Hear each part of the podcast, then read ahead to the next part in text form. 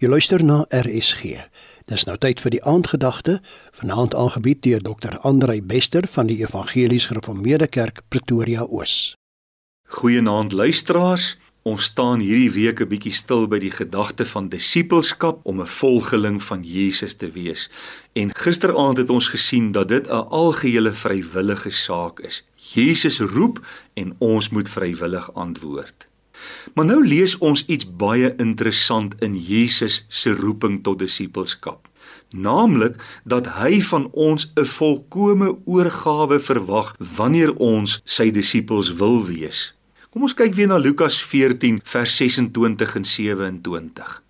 Vers 26 sê as iemand na my toe kom en hy haat nie sy vader en moeder en vrou en kinders en broers en susters ja selfs ook sy eie lewe nie kan hy my disipel nie wees nie.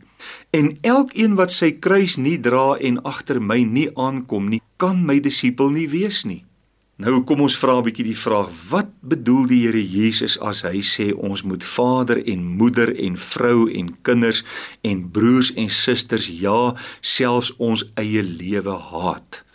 Moet ons nou skielik in haat ontvlam teenoor ons paas en ons maas en boeties en sissies en selfs ons eie lewe? Beteken dit ons moet nou in vyhandigheid en in afskeid teenoor hulle begin lewe? Nee, hoe genaamd nie.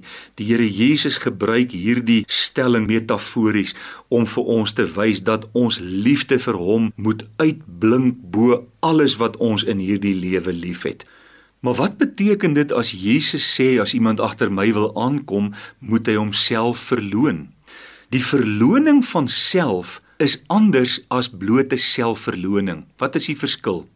Selfverloning is die prysgee van voedsel en plesiere en besittings, maar die verloning van self is die algehele onderwerping aan die heerskappy van Christus. Om by 'n punt te kom waar ek sê ek wil sy volgeling sodanig wees dat ek myself geen regte of autoriteit toeëien nie. Kom ons bid net saam. Hemelse Vader, ons het gehoor dat om Jesus te volg, om sy disipel te wees, is 'n algehele vrywillige keuse. Maar wanneer ons kom, sê u dat ons u bo alles moet lief hê en dat ons bereid moet wees om self te verloon. Sal u ons daartoe in staat stel asseblief om Jesus ontwil. Amen. Dit was die aandgedagte hier op RSG, aangebied deur Dr. Andrei Bester van die Evangelies Gereformeerde Kerk Pretoria Oos.